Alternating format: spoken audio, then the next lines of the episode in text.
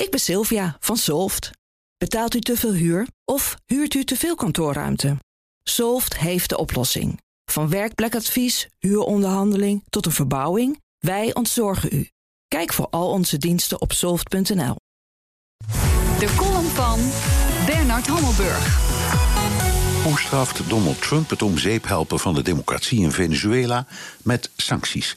Wat doet Europa tegen de Russische inlijving van de Krim? Sancties. Sancties en boycott. Je stilt er de pijn van de verontwaardiging mee. Een soort paracetamol voor geopolitieke kwetsuren. Maar werkt het? De eerste keer dat het sanctiemiddel werd gebruikt was 137 jaar geleden in Ierland tegen een rentmeester die zijn pachters tijdens een hongersnood geen uitstel van betaling wilde verlenen. Tot in de verre omgeving wilde niemand meer zaken met hem doen. Die rentmeester heette Charles Boycott. In twee derde van de gevallen halen sancties weinig of niets uit, zoals tegen Rusland. Vladimir Poetin gaat echt de Krim niet ontruimen. Kim Jong-un stopt niet met zijn kernwapenprogramma.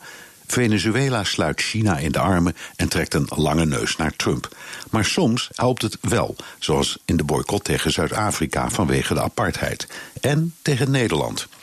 Tegen het Koninkrijk der Nederlanden Jazeker, precies 72 jaar geleden riep Indonesië zijn onafhankelijkheid uit. Nederland weigerde die te erkennen en ondernam zelfs koloniale oorlogen die eufemistisch politionele acties werden genoemd. De Veiligheidsraad van de VN begon onder aanvoering van Amerika een ware diplomatieke loopgravenoorlog tegen het koloniale Nederland. De Raad nam een trits anti-Nederlandse resoluties aan.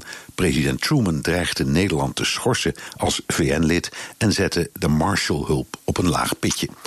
Het kostte Nederland 1,1 procent van het bruto nationaal product. En in 1949 ging ons land eindelijk door de knieën met de soevereiniteitsoverdracht.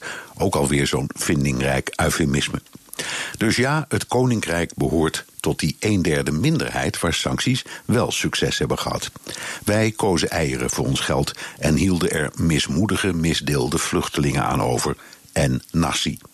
Maar meestal leveren sancties helemaal niets op, al slaan politici die ze instellen zich trots op de borst. Oh ja, nog even over die meneer Boycott. Die had het nakijken, want het Britse leger greep in. Kortom, sancties, die kan je beter boycotten van Bernard Hammelburg. En die kunt u teruglezen en luisteren op bnr.nl en in de BNR-app. Ik ben Sylvia van Solft. Betaalt u te veel huur of huurt u te veel kantoorruimte? Solft heeft de oplossing. Van werkplekadvies, huuronderhandeling tot een verbouwing, wij ontzorgen u. Kijk voor al onze diensten op soft.nl.